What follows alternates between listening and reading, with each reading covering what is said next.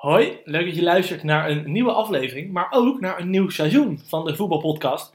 Vinden we echt fucking vet dat we het gehaald hebben. Dus seizoen 2, daar zijn we. En ik zit hier natuurlijk weer met Jimmy Driessen Hey, hallo. en natuurlijk met Sam Planting. Ik had niet verwacht dat ik bij de, bij de seizoensverlenging dat ik weer deel mocht uitmaken hiervan. We hebben geëvalueerd. Eh, we hebben de goede dingen en de slechte dingen hebben we besproken. En Sam, ja, je mocht net blijven, vijf en een halfje. Ja, Geen, geen verhuurperiode naar België voor mij. We hebben kort gezeten met je zaakwaarnemers, zoals je zelf ook weet. En eh, ja, je mag blijven. Je hoeft niet naar neutrale kijkers. Oké, nou, deal. Mooi man.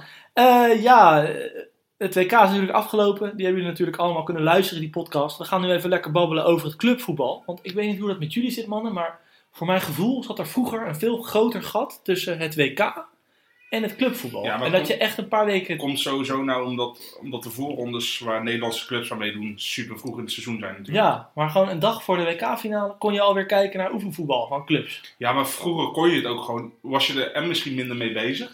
En werd er ook veel minder uitgezonden. Nou, want aan de andere kant, bijvoorbeeld vroeger bestond wel de Intertoto Cup. En daar moest je Ja. volgens mij acht rondes overleven om... eh, Shout-out naar Bordeaux, die de finale erdoor heeft gehaald in de UEFA Cup. ja, Maar ik weet niet, ja, Canal Plus was het vroeger, hè? Ik weet niet, zonden die dit uit, dat oefenvoetbal? Nee, natuurlijk niet. Fox en Ziggo, die nee, zitten dit, overal dit, op. dit is iets van de laatste De- 7, door 8 het jaar, digitale toch? tijdperk willen mensen steeds meer kijken. Vroeger ja, En dan las je- mensen dat niet. En dan las je gewoon in de VI van Ajax heeft Ja, gespeeld. ja, En- en op teletext zag je die nieuwe aan. Ja, joh. Bijvoorbeeld wij, jij en ik bleken, eh, jij en ik bleken allebei eh, vorige zomer heel veel van die wedstrijden van Peter Bos te hebben gekeken. Van die eerste oefenpot van Peter Bos bij Dortmund. Ja, dat was tien jaar geleden ondenkbaar. Dat je, Mm. dat je de oefenpotten van een, van een buitenlandse ploeg met een Nederlandse trainer zou kunnen en willen en gaan volgen. ja, nee, dat hadden mis- misschien, ja. Mensen wilden het misschien wel, maar het kon gewoon niet. En we leven gewoon in een perfect tijdperk voor als je niet snel verzadigd bent door voetbal. Nee, en dat blijkt maar weer, want wij nemen ook nu deze podcast op. Ja, ik wil gewoon weer even het altijd doen, eh, wil ik de volgorde aanhouden. We gaan even lekker over Nederland praten. Want Ajax trekt flink de portemonnee, hè mannen? Dat kunnen we wel, eh, wel eh, Ja, het is, Wel het, is, zeggen. het is in ieder geval sinds het vertrek van Bergkamp en consorten is het wel duidelijk wie, wie de machtspositie binnen Ajax eh, heeft eh, binnengehaald. En dat is Overmars. Maar denk je dat het dan vroeger, of tenminste de afgelopen seizoenen zo was, dat Overmars veel geld wilde uitgeven en dat Bergkamp en vroeger Jonk zeiden nee, kijk nou wat er aan zit te komen, we hebben jeugd. Het plan van Johan was ook altijd gooit op de jeugd. Ja, Was het zo een beetje, denk je? nou, bestaat toeval. Eh, ja. Oké, maar ik vind het wel heel toevallig. Het eerste seizoen dat eh, Overmars geen, eh, laat ik het zo noemen, tegenwerking meer krijgt, gaan alle remmen echt totaal los. Ja, want ze zitten nu op 35 miljoen uitgegeven of zo, met Blind erbij. Nee, veel meer joh.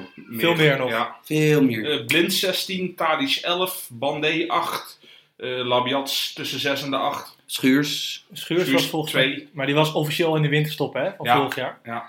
Hoeveel is dat bij elkaar? 18 plus 11 is... Nou, dan 29. ga jij dat eens even lekker transfermarkten. Ja. Dat, eh Jimmy, dan gaan wij ondertussen even over Ajax hebben.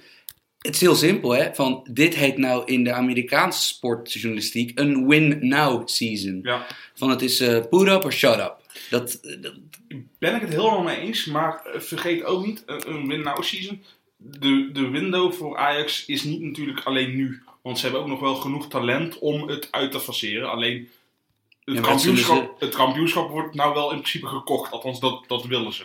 ja, en ook van, ik bedoel, ja, je, bij Ajax, snap je, zolang de jeugdopleiding gerund wordt zoals die nu gerund wordt, eh, zal er altijd, snap je, een, een bijna, bijna constante toevoer aan goede talenten zijn.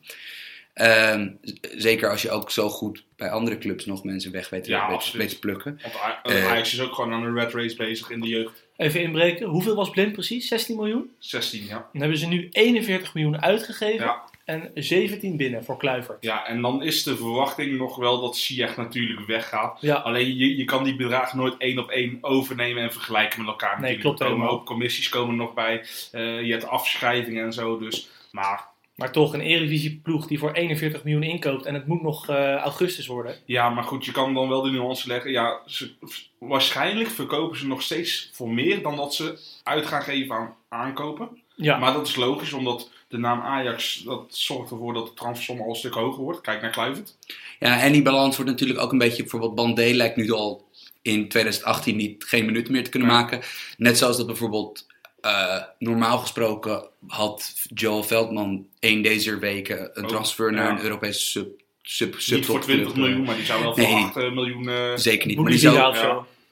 Eh, ja, eh, ja, ik, denk, ik, denk, ik, ik denk inderdaad zo'n soort competitie. En, eh, eh, dus nou ja, de- die bedragen zelf, het gaat er gewoon om dat, dat, dat vooral het soort spelers, en we hebben het gewoon natuurlijk over die twee aankopen waar iedereen het over heeft, van Tadic en Blind. Van ja, dat zijn gewoon wel jongens die, ehm, die wij, nou wat zal het zijn, al minstens tien jaar niet meer op dit punt in hun carrière terughalen naar de Eredivisie. Want kijk naar de, Nou, ja, ja, Guardado Moreno zou je misschien nog kunnen... Ja, maar dat, dat, was dan, dat was dan toch wel echt extreem goed zaken doen van PSV. die toch een soort van marktinefficiëntie ontdekt van... hé, hey, Ja, deze goede voetballers worden toch nog onderschat. Terwijl Blind en Tadic zijn natuurlijk known commodities. Van mensen in Engeland weten ook wa- waar die als speler voor staan. ja. Ehm, ja, dat, dat, dat ik bedoel, eh, toch, eh, bijvoorbeeld Feyenoord heeft natuurlijk de afgelopen jaren succesvol een paar spelers teruggehaald. Maar ja, dat, dat, dat zijn toch oudere eh, jongens. Even Of- twee punten over Blind. Denken jullie dat hij gehaald wordt als centrale verdediger? Of toch vooral voor de nummer 6 positie als middenvelder? Ik denk dat we heel vaak met een driemansverdediging gaan, eh, Ajax gaan zien. Ik denk ook van, eh, het zou mij niks verbazen als zeg maar, een beetje hetzelfde systeem als België speelt. Dus met drie verdedigers, twee controlerende middenvelders, vier aanvallende middenvelders en een spits. Wat we dus de, in de laatste, wat zal het zijn, acht wedstrijden van Ajax volgens mij vier, vijf keer zagen. Dat zit erin, maar ik denk dat in een standaard, ze- zeker in bijvoorbeeld die eerste wedstrijd in Europa, dat voor die, als Ajax 4-3 gaat spelen, dat blind gehaald is voor naast, Naast de licht. de licht. Ja, denk centraal achterin. Ja, want voorlopig in de eerste oefenwedstrijden houdt Ten Hag wel vast aan 4-3. Ja. Maar het kan natuurlijk altijd nog wijzigen. Ik vond wel op het WK 2014 Blind heel goed aan de linkerkant van een driemansverdediging, zeg maar. Heeft hij een paar keer gespeeld. Deed hij wel aardig. Maar ja, hij is natuurlijk gewoon super veelzijdig. Ik denk niet dat je hem eh, het, heel vaak op dezelfde plek gaat zien. Kijk, en, en, en laten we zo zeggen. Kijk, Blind is, is geen wereldtopper. Maar voor de eredivisie is dit toch wel gewoon een... Op, op, als centrale verdediger en als zes is het toch wel gewoon echt een topspeler voor de eredivisie. Het was in het ook. laatste kampioensjaar van Ajax, de beste speler van Ajax. Ja, sterker nog, hij heeft toen de gouden schoen eh, van Nederland gekregen. Hij stond Gewonnen. heel lekker te voetballen toen. eh, Ook paasjes vooruit te geven. Vinden jullie het te veel geld? Eh, ja, voor een eenjarig contract vind ik het te veel geld als je naar de transfer aan zich kijkt. Ik vind het alleen niet te veel geld voor het neveneffect wat je wilt bereiken ermee.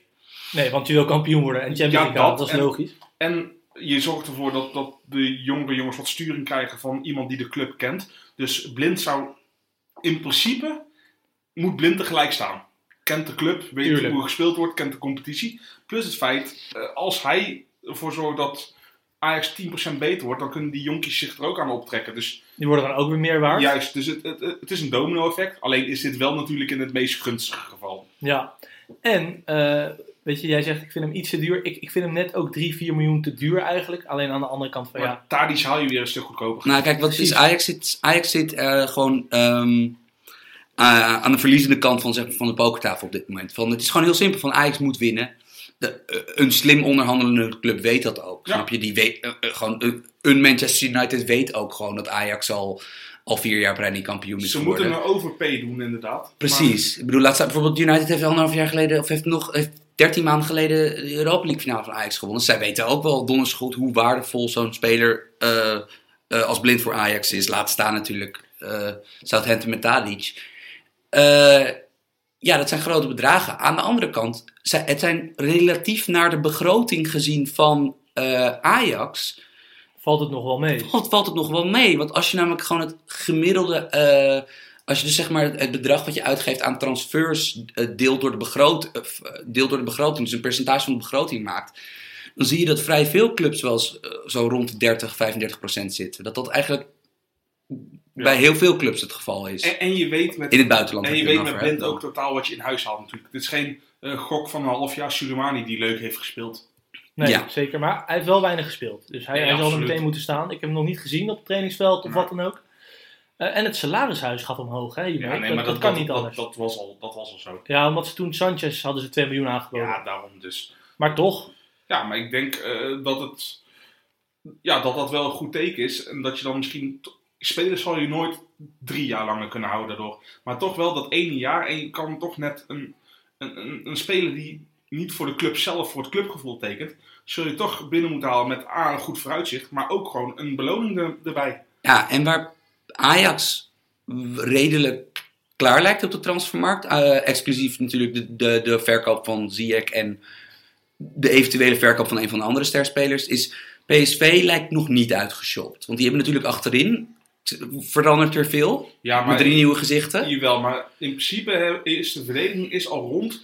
Tenzij Zoet nog weggaat natuurlijk. Maar, maar Dumfries die gaat natuurlijk de vervanger van Arias worden. Die, Dumfries heeft natuurlijk al getekend. Arias gaat echt Ja. nog wel weg. Ze hebben viergever natuurlijk al gehaald, heel vroeg in het Ja, en, en Angelino die, die gaat natuurlijk ook eh, gewoon spelen. En ik denk dat dat een, een soort Willems de Jong tandem deluxe kan gaan worden. Ja, en maar aan de andere kant, dat eh, blijft natuurlijk, ja, Lozano is natuurlijk wel gewoon een, een, ge- een gewilde speler. Ja, maar daar krijg je dan 50 miljoen. Ja, ja, precies. Maar, maar eh, kijk, het zou dus zomaar kunnen dat, dat, dat dus wel een heel specifiek, je, je meest specifieke aanvaller naast natuurlijk je, je, je aanspeelpunten jong. Want de snelheid van Lozano zal misschien vervangen moeten worden. Eh, en, en er is natuurlijk nog geen vervanger voor eh Van Ginkel gehaald. nee, En dat is natuurlijk wel heel interessant om te zien, want PSV kan een paar kanten opgaan daarmee. Van ze kunnen dus voor het, wat ik altijd het Paulinho of Davy Klaassen type noem. Dus de, de, de, de middenvelder die ook wel goed kan meeverdedigen, maar die vaak, snap je, de 16 die inkomt. druk kan zetten, maar ook scorend vermogen heeft. Ja, maar een dit is- beetje van Ginkel type, zeg maar. ja, een beetje van Ginkel. Wat Van Ginkel natuurlijk erg, erg goed deed het afgelopen jaar. Ik vond Van Ginkel trouwens verdedigend het afgelopen jaar ook heel goed bij PSV. Of ze kunnen eh, naast Hendricks nog een type Hendricks zetten. Of, of een, een ander soort bal afpakken. Is het dan klaar met Ramselaar, denk je, als ze voor die optie gaan? Ja, maar Ramslaar kan natuurlijk ook gewoon als, als tien en, en, en, ook hangend op de flanken eh, Ja, maken. ha- hangend op de flanken vind ik het wel echt een, een niet-oplossing als je ook bijvoorbeeld een Doniel Malen nog hebt of een Maar zou jij het, ik bedoel, jullie hebben Bart Ramslaar ook veel zien voetballen eh, de afgelopen jaren. Zouden jullie het aandurven hem al, zeg maar, op te durven schrijven als naam bij de eerste elf voor een grote club als PSV? Nou, het is grappig. Jullie wezen mij er, eh, ik denk tien podcasts geleden terug op dat hij nog maar 21 is. Ik dacht dat hij wat ouder was al. Eh, je, zou, je zou hem nog als talent moeten zien. Wat ik van hem gezien heb, denk ik niet dat hij, als je 4-3 speelt met een 10, dat hij een van de controleurs is. Dan zou ik hem echt als 10 wegzetten of als hangende buitenspeler.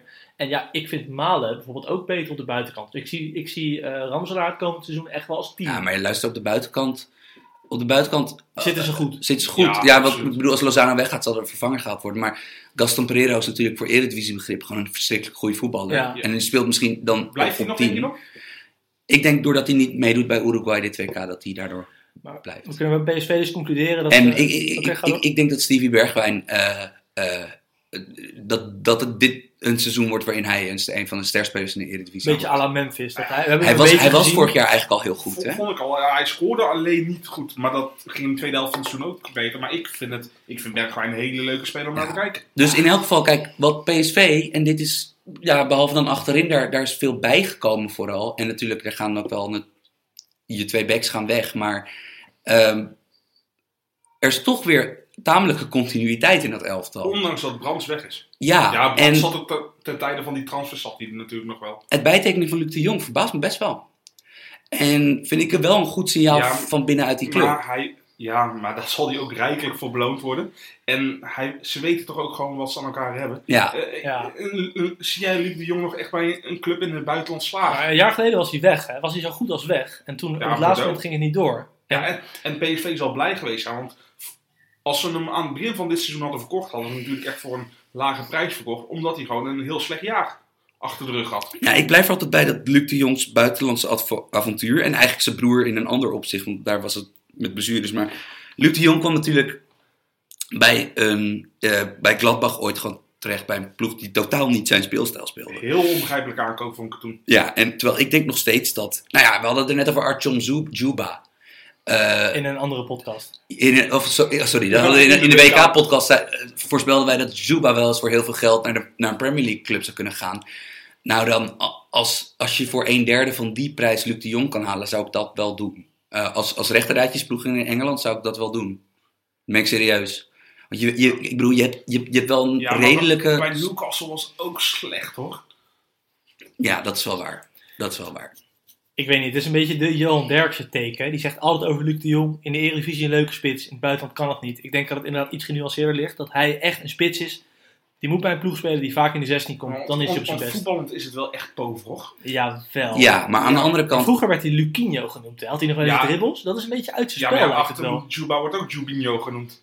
Ja, maar Dat moet ook bijvoorbeeld... een geuzennaam zijn. hè? ik vind dus eh, het voordeel van PSV ten opzichte van Ajax en Feyenoord heeft dat wanneer Jurgensen gewoon fit is eh, ook een beetje.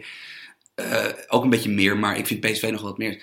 Gewoon, je kan de lange bal spelen. nee, absoluut. En Zeker. Het is nou niet zo dat wij in Nederland dat de gemiddelde Eredivisieclub twee beulen achterin ik, heeft ik wil staan. trouwens niet impliceren dat ik Luc de Jong een, een slechte voetballer Nee, vind. maar ik vind bijvoorbeeld dat die dimensie voegt hij toch wel een beetje toe aan PSV. Absoluut. Is dat wanneer het niet loopt, Je, je kan je heel makkelijk onder de druk uitvoetballen. ja. of wanneer je met één, of als je een voorsprong van één doelpunt ver- eh, verdedigt, dat die optie voor de lange bal er gewoon wel is, omdat hij gewoon wel gewoon het merendeel van zijn duels met centrale verdedigers gaat winnen. hey, en wat is er mis mee als Luc de Jong wel gewoon heel zijn carrière nog bij PSV blijft? Ja, maar Het kijk, zou geweldig zijn. Dat zou toch hetzelfde zijn als Veldman bij Ajax. Dat zou ik ook toejuichen. Meen kijk, het. dat missen we een beetje. Misschien komt dan nu ook wel weer terug met blind. Gewoon goede voetballers die lang in Nederland blijven en dus goed zijn. We hebben een tijdje terug hebben we het ook gehad over Brian Linsen. Dat is ook zo'n speler. Speelt in Nederland, is gewoon goed. Ja. Elk jaar goed voor 10 goals en nog wat assists. En heb ik een goed, brug, en heb ik een goed bruggetje. Wat een, een, een jongen waarvan ik eigenlijk dacht dat die, dat die zo'n type zou worden. Sven van Beek. Die staat dus, hoor ik van jullie, in de nadrukkelijke van Fenerbahce. Fenerbahce Ja. van Cocu. Ja, ja, volgens mij denk ik Cocu dat de Eredivisie gewoon heel erg goed is. Als je ziet dat hij nu Van Beek wil halen voor de Turkse Super League, vind ik een aardige verdediger van Beek.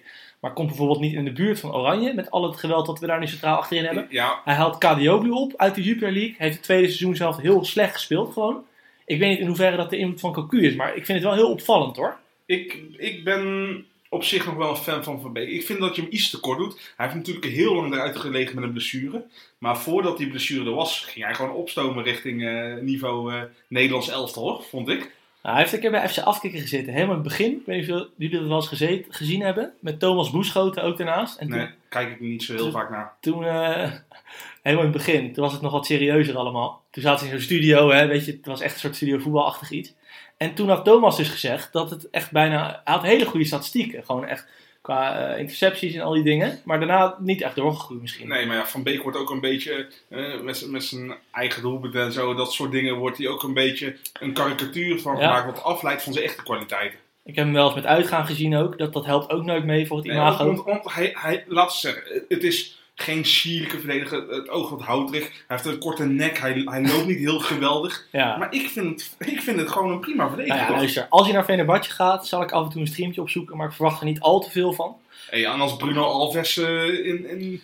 Nee, laten we eerlijk zijn. Dat het acquisitiebeleid van bijna alle Turkse clubs met geld is de afgelopen tien jaar natuurlijk echt ondoorgrondelijk Ja. geweest. Maar goed, Feyenoord gaat wel een beetje op de oude tour. Hè? Want ze willen Klaasie halen. Janmaat is een gerucht. Dat is nog niet zo concreet, heb ik gelezen. Maar, eh, hoe heet het? En ze halen toch alweer een jongen wat een beetje afwijkt. eh Sinisterra. Ja, zeg me helemaal niks Zegt me ook helemaal niks. Sam, jij weet iets erover? Ja, ik heb het een en ander gehoord. Van, eh, eh, het, dat, het, het schijnt een goede speler te zijn, maar nog ehm, Een ruwe diamant. een ruw diamant. Oh ruw. Dat is wel echt het cliché hoor. Eh, Maar ik weet niet, heeft de NOS eh, de samenvattingen van het Peruaanse voetbal eh, sinds kort, of niet? Peruans? Zat hij niet zat hij in de Colombia? Want, ja, of Colombia of zo. Once Caldas, toch? Martin van Geel, die heeft nu dus een speler gekocht die niet zondagavond 7 uur in beeld is. Nee. Dat vind Ja, ik wel eh ik denk dat Martin van Geel stiekem ergens een streampje heeft opgezocht. Maar NOS heeft niet die beelden gekocht. Nee, nee. Oké. Ik ben heel benieuwd. Hè, dat, eh, bij, eh, dit is een simplifi- simplificatie, zeker. Maar het seizoen van Feyenoord hangt best wel op wat eh, er nog in de tank zit bij Van Persie. Want je zag toch, ja, zijn invloed op die, op die laatste drie maanden van het seizoen van Feyenoord was gigantisch groot. En laten we eerlijk zijn, als jij als Feyenoord de beschikking krijgt over de Van Persie die bijvoorbeeld in die bekerfinale speelde, ja, dan is dat gewoon een titelploeg hoor. Ja, de vraag is hoe vaak is dat? Ik ben heel benieuwd naar, naar Berghuis, maar over Van Persie ook van... We hebben inderdaad allemaal gezien in die bekerfinale. Hield hij gewoon een heel dynamisch AZ. Hield hij een paar jongens gewoon echt uit de wedstrijd. Onwijs goed gespeeld, maar daar had hij zich weken voor opgeladen. Toen had hij zich onder competitie had hij niet gespeeld. Hij zei na afloop, ik ben elke dag om tien uur naar bed gegaan of zo. Weet je, fysio twee keer per dag gepakt. Dat was echt de fysiek, eh, zijn fysieke top. En heel terecht punt. Ik vond hem ook de tweede seizoen zelf af en toe oog als een oude man. Af Ja, en toe. maar dat is het toch ook gewoon? Maar dat de- is niet erg. Maar stel nou bijvoorbeeld dat Lozano zo meteen ook nog weggaat. Wat wel in de lijn van der verwachting ligt. En Johan Baks ook. Dan heeft Feyenoord met Van Persie en Berghuis... Ja, ik denk de twee individueel beste aanvallers uit de Eredivisie. Tadic? Tadic is natuurlijk goed. Ja, en, Berghuis, ik, ik wil Neres ook nog niet helemaal afschrijven. Het zijn wel twee Ja, ik wel. Dat vind ik echt een Nou, maar als ik, hoor. als, ik, als ik moest Nee, kiezen, als nee. ik vorig seizoen moest kiezen tussen Berghuis en Neres, zou ik voor Berghuis hebben Ik gekozen. ook. Nee, ja, absoluut. Alleen ik, ik, ik vind het verschil niet zo groot als wat Erik nou poogt te zeggen. Nou, ik weet niet. Ik vind Neres een beetje een kansafmaker. En Berghuis kan gewoon echt heel veel. Maar die continuïteit is. Die ik continuïteit bij Feyenoord is gewoon wel. eh, eh, Overigens ben ik trouwens ook vet. Ik, ik zou Berghuis inderdaad ook gewoon bij Ajax willen zien hoor. Ik bedoel, Ja. laat ik ook wel. Laat ik niet downplayen dat ik eh, Berghuis een slechte voetballer vind. Absoluut niet. Alleen ik. ik, ik eh, hij heeft gebreken en heeft Neres ook. En ik eh, denk dat het ja, redelijk inwisselbaar is op dit moment. maar het blijft, blijft bij Feyenoord natuurlijk het geval van continuïteit is dat. eh, allereerst is het nog inderdaad even afwachten of wat er met Jurgensen gebeurt. Ehm, Wat gaat er met de keepers gebeuren? ja, precies. Wat gaat er met keepers gebeuren? Maar bijvoorbeeld wat, wat er met Jurgensen gebeurt en hoe Feyenoord dat opvangt, gaat ook bijvoorbeeld iets zeggen over hoe ze gaan spelen. Want als Jurgensen blijft, dan spelen ze met Van Persie uit de rug van Jurgens, Jurgensen. Dat En- kan niet meer, denk ik. Dat kan niet meer? Nee, Dat kan je niet meer niet meer dus jij beloven, denkt denk dat. Van Persie alleen nog maar als 9 kan spelen? Dat denk ik wel. Of, of misschien, ja, goh, dan zou Gio geen 4-3 moeten spelen. Maar 4-4-2. Ja, bijvoorbeeld. En dat hij dan echt een vrije rol heeft met vier Ja. man achter hem. Maar dan aan de andere kant, je krijgt in. Wat daar ging ik eigenlijk naartoe inderdaad. Dat als Van Persie de spits is zometeen, de eerste spits. En dan weet ik veel, eh, wordt afgewisseld door dan, door dan een, een ander, een nieuwe jongen. Ehm, dat, dan, ja, dan is het op de schouders van Ayoub en Amrabat. Rust dan opeens wel een andere verantwoordelijkheid dan dat ze tot nu toe hebben gehad als voetballers in de Eredivisie. Namelijk, Maar ze moeten wat meer maar- creëren dan. Of Maar dat is natuurlijk met elke, sowieso met elke transfer van de subtop naar de top. Natuurlijk. Nou ja, kijk, dat heel vaak.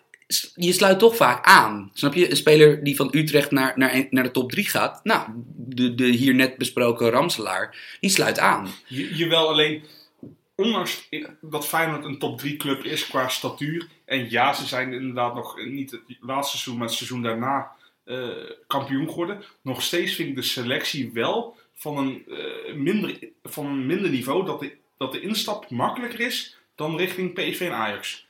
Ja, nee. En, nou, dus, ik denk dus dat bijvoorbeeld. Als je het middenveld. En zelfs bij PSV zit daar nog. Bij het startende middenveld een vraagteken bij. Maar als je het middenveld van Ajax PSV af. eh, eh, ja, als je dat neerlegt naast dat van Feyenoord.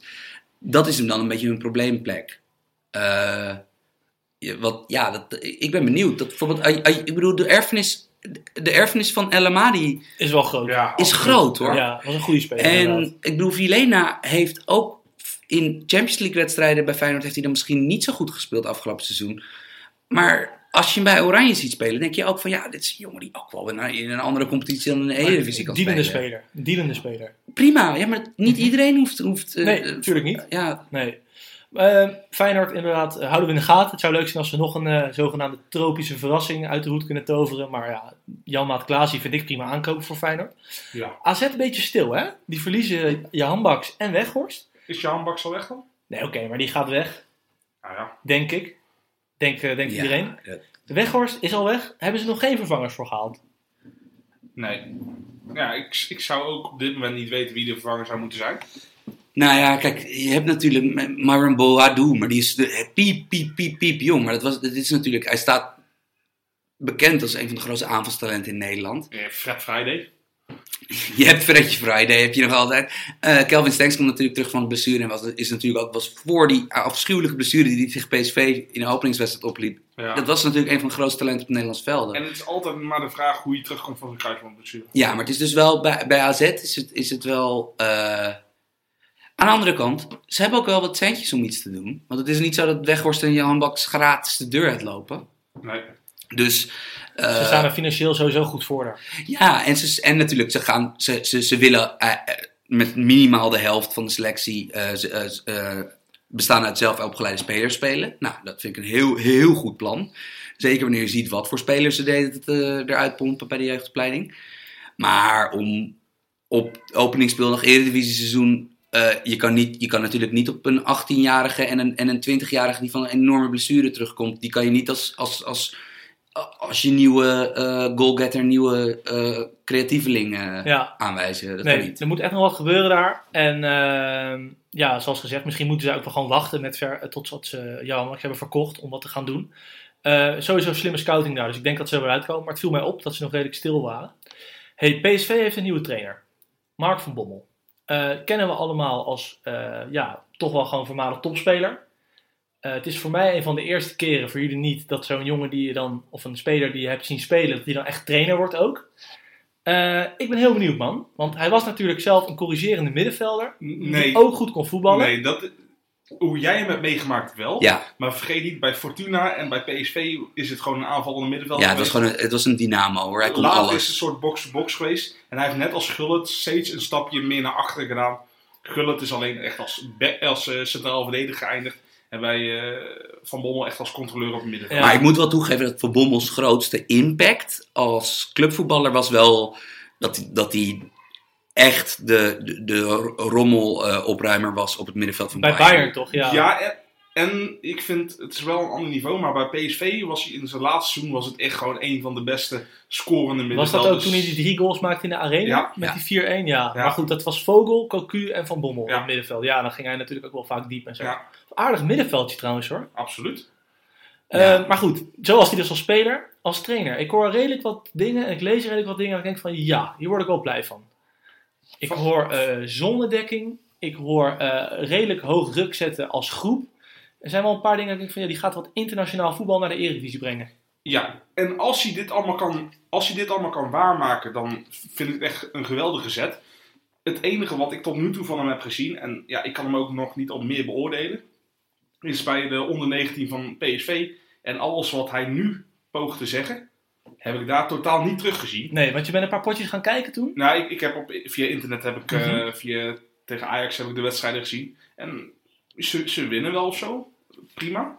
Maar bijvoorbeeld tegen de Supercup was het echt de Mauro Juniors eh, show. Geweldig eh speelde alle bal op hem en hij scoorde er een paar. En dan heel verdedigend spelen ook. Ja, en daar is helemaal niks mis mee. Alleen het strookt niet met wat ik hem nou hoor zeggen. Kan natuurlijk ook zijn, je komt nou met ander materiaal. Je hebt meer inspraak van die spelen wil ik, zo op die manier wil ik eh, spelen. Dat heb je met jeugdteams heb je dat toch minder. Daar gaat het om de doorstroming. Dus je kan wel iets meer je stempel erop zetten, denk ik. Maar ja, ik moet het nog maar zien. Waar, waar ik een beetje bang voor ben, is dat. ehm, gewoon, kijk, het voetbaltrainer zijn is in, in dit opzicht een moeilijk beroep. Is dat een klein deel van je werkzaamheden is het eh, onderhouden van contacten met de pers. Snap je? Een beetje normale interviews naar de wedstrijd geven. Maar daar word je het meest op Eh, beoordeeld. ja. En, maar het probleem is dus dat dat is, wel, dat is wel waar je het meest op wordt beoordeeld. En in dat opzicht zie ik wat implosiegevaar, wat meer implosiegevaar bij PSV dan onder Cocu.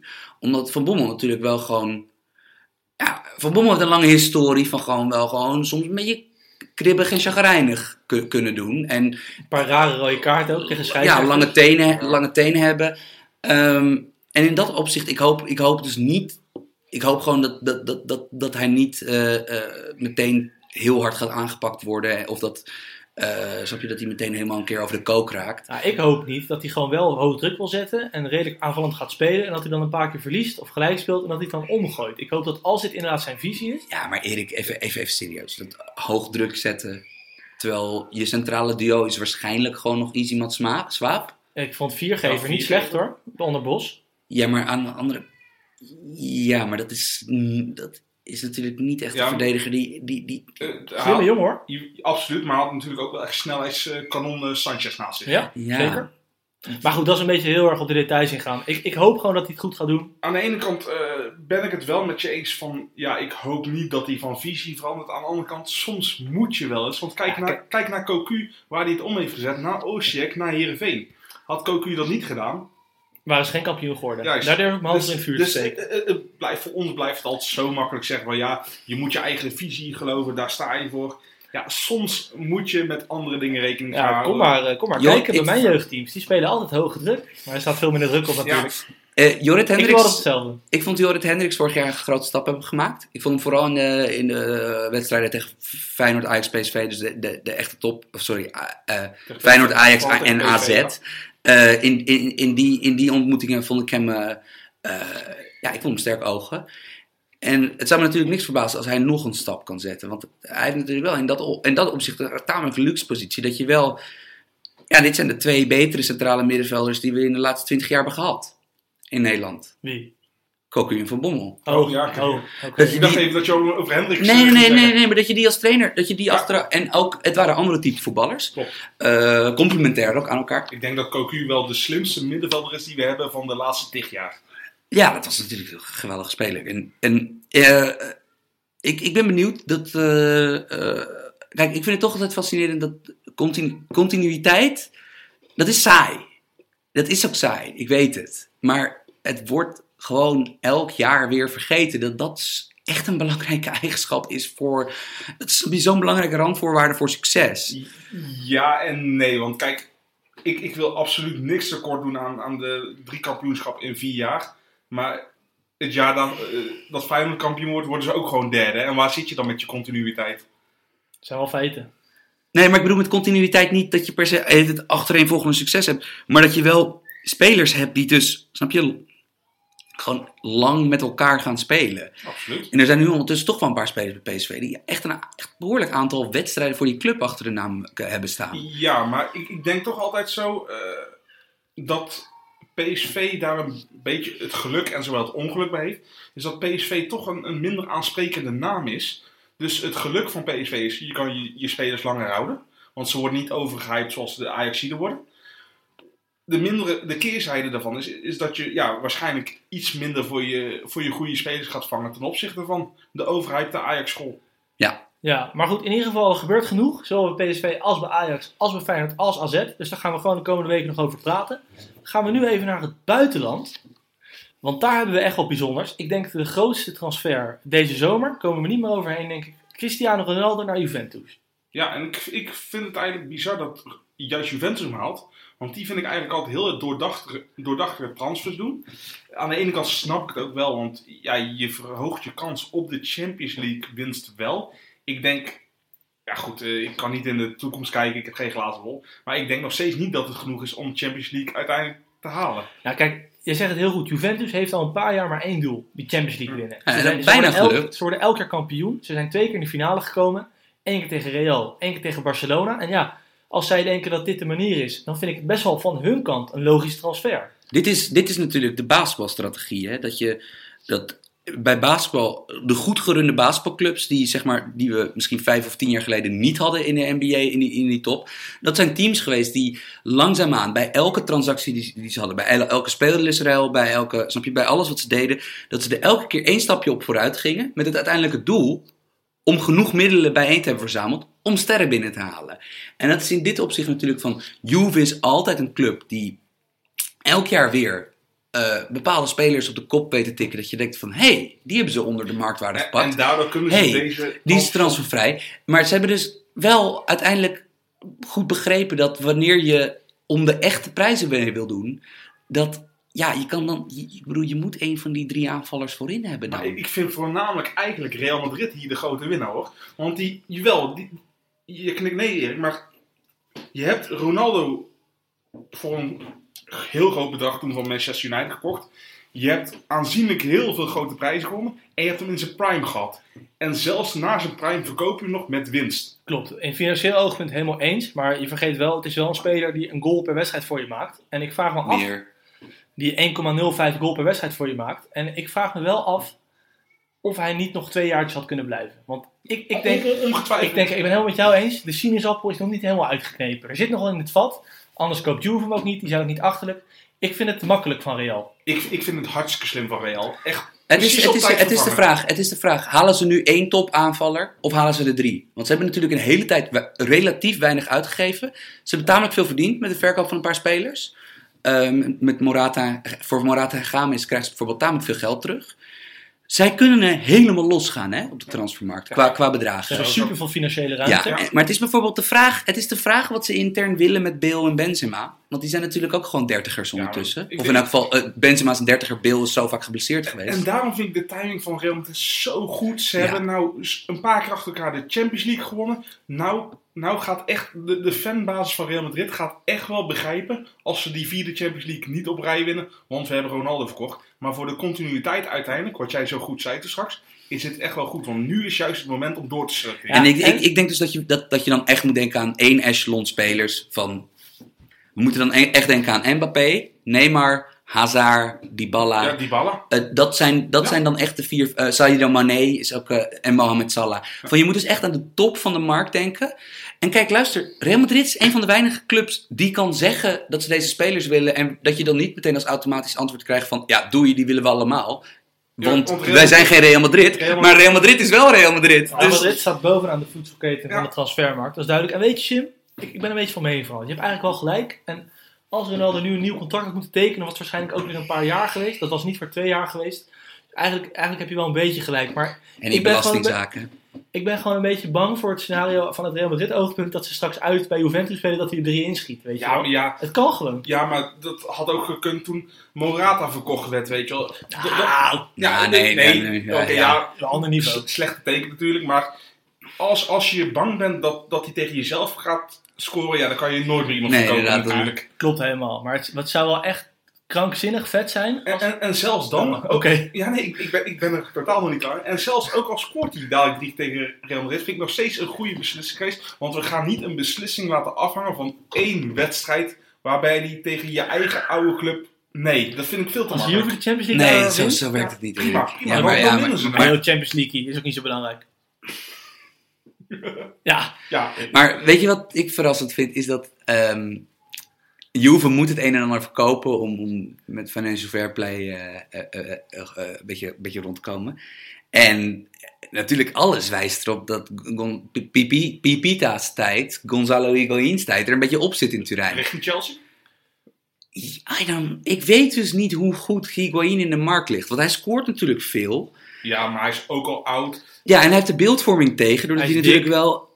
Nou, hij oogt dik. Hij is Ik- vossig. Ja, ik weet dus niet of hij dik is. Hij oogt dik. Ja. Maar hij heeft wel de beeldvorming tegen. Want hij is in, natuurlijk in grote wedstrijden waar, waar de hele wereld naar kijkt. Ja, heeft hij helaas een paar grote kansen gemist. Waar Real Madrid dikke winst op Ronaldo gaat pakken, gaat Juventus echt heel veel verliezen op eh, Higuain. eh, want Ja. hij moet weg. Ja. Ja. Want aan de andere kant, de andere aanvallers die Juventus onder contract heeft staan. En dat zijn dan eh, eh, Dybala, Douglas Costa, Mandzukic, Quadrado. Quadrado. Dat zijn allemaal spelers die ik heel erg lekker vind, eh, vind bijsluiten bij Ja, Ronaldo. Costa kunnen ze volgens mij niet eens verkopen. Nee, we vergeten nog een heel goede Bernardeschi. Die zou Ja. zomaar basisspeler kunnen zijn.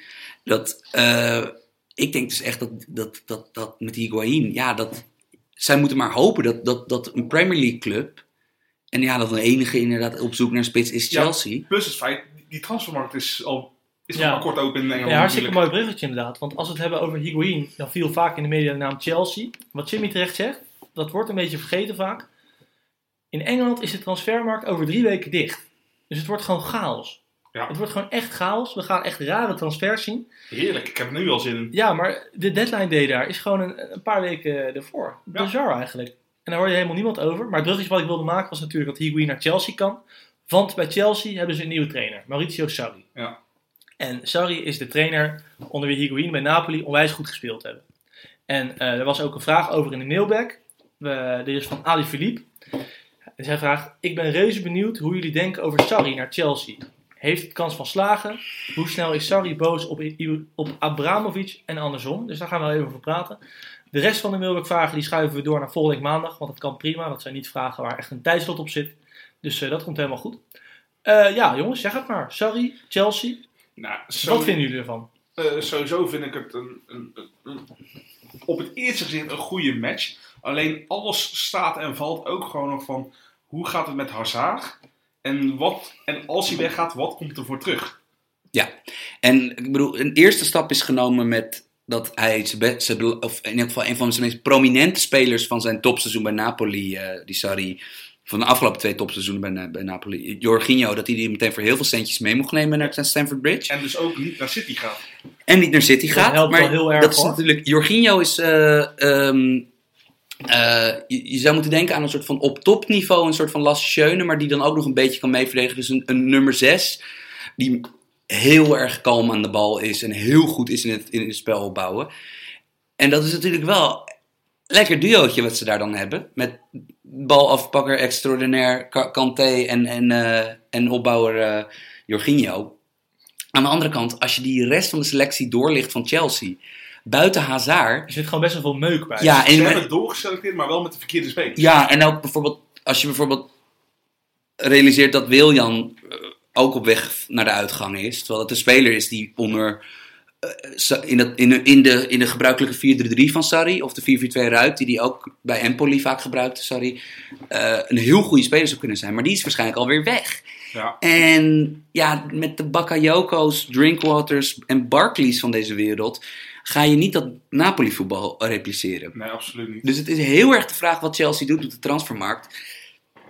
Het leek dus alsof ze in een wat goedkoper segment aan het winkelen waren het afgelopen jaar. Dus door Danny Drinkwater en Barkley te halen. Dus een beetje, snap je een beetje dat je dacht van, oh oké. Ja, maar nog steeds, eh, je, betaalt eh, een, een duur merk voor eigenlijk een goedkope inhoud. Ja, precies. Maar, maar, maar dat ze, ik, het zou mij niks verbazen als Chelsea eh, gewoon weer traditionele, een beetje uit die begintijd van Abramovic bedragen neerlegt. Want anders heeft het toch, eh, eh, moet het toch oppassen dat het de aansluiting met Spurs, Liverpool eh, en de twee Manchesters verliest. Ja, en even terugkomend op Ale Philippe zijn vraag. Van, heeft het kans van slagen, Sarri bij Chelsea?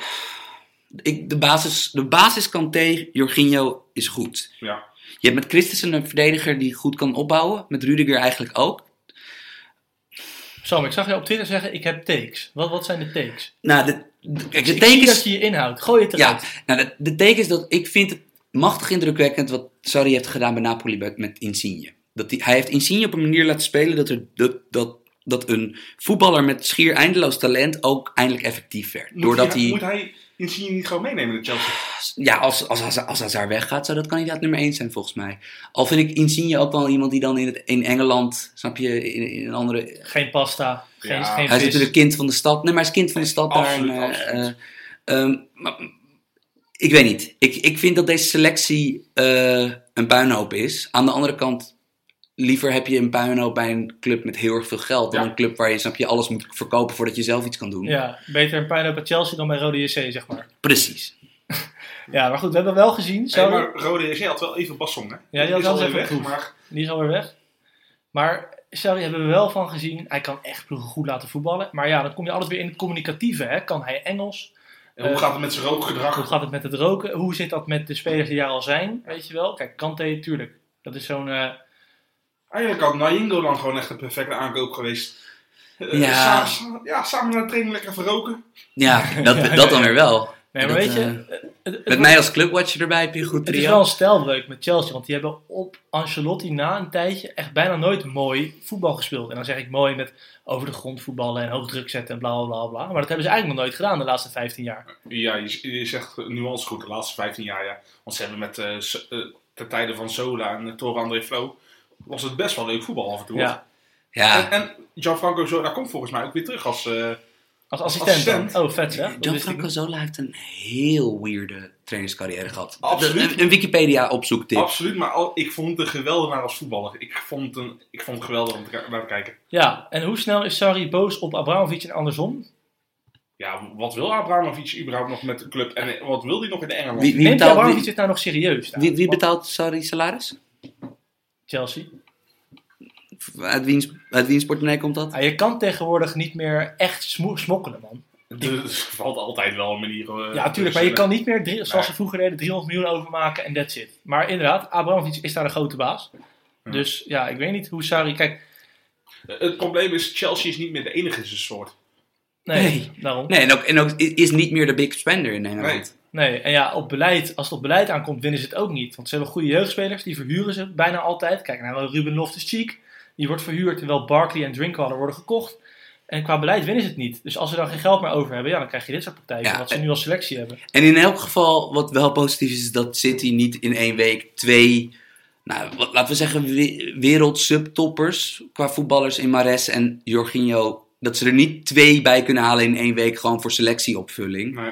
Want ik bedoel, Mares is een geweldige speler, maar zou me niks verbazen als die achter Sterling en Sané in de rotatie staat. Dat is echt gewoon een, een, een luxe product. Ja, man. En ik bedoel, ze hebben, eh, denk aan Aymeric Laporte of zo, die ze vorig jaar bijhalen. Terwijl ze eigenlijk niet nog een verdediger nodig hebben. Nee, en we zeiden vorig jaar altijd van Pep heeft echt wel een goede selectie, maar in de breedte minder goed. En dat probleem is nu echt getackled, hè? Ja. Maar toch, toch missen ze, gaan ze die, het niet doorgaan van Jorginho, gaan ze wel missen hoor. Het is niet voor niets dat hij daar niet... Eh, kijk, op die zou, het, zespositie... zou het niet dat City nog met een ander leuk spelletje op de prop komt? Tuurlijk wel. Nou ja, goed. Volgende week maandag misschien weer een hele hoop eh, meer over City en over al het andere buitenlandse voetbal. We zijn er voor nu doorheen. Dankjewel voor het luisteren. We zijn maandag weer terug, hè? Ja, Zeker. En nog altijd vinden op iTunes, waar we graag reviews van 5 sterren terugzien. Ja, of natuurlijk gewoon eh, leuke reviews hè, over eh, ons. Dat vinden we gewoon hartstikke leuk. En jongens, vergeet niet mailwerkvragen. We hebben er nu nog drie staan voor maandag. Blijf die insturen, want dat is eigenlijk mijn favoriete onderdeel van de podcast. En ja, het draait natuurlijk ook gewoon een beetje om de interactie. Dus dat vinden we Volksmanner. superleuk. Volksmanner word ik genoemd. is Dank goed. eh, dankjewel Jon Gené voor je uh, episode. Ja, hey jongens, bedankt. Tot maandag. Hoi. Hoi.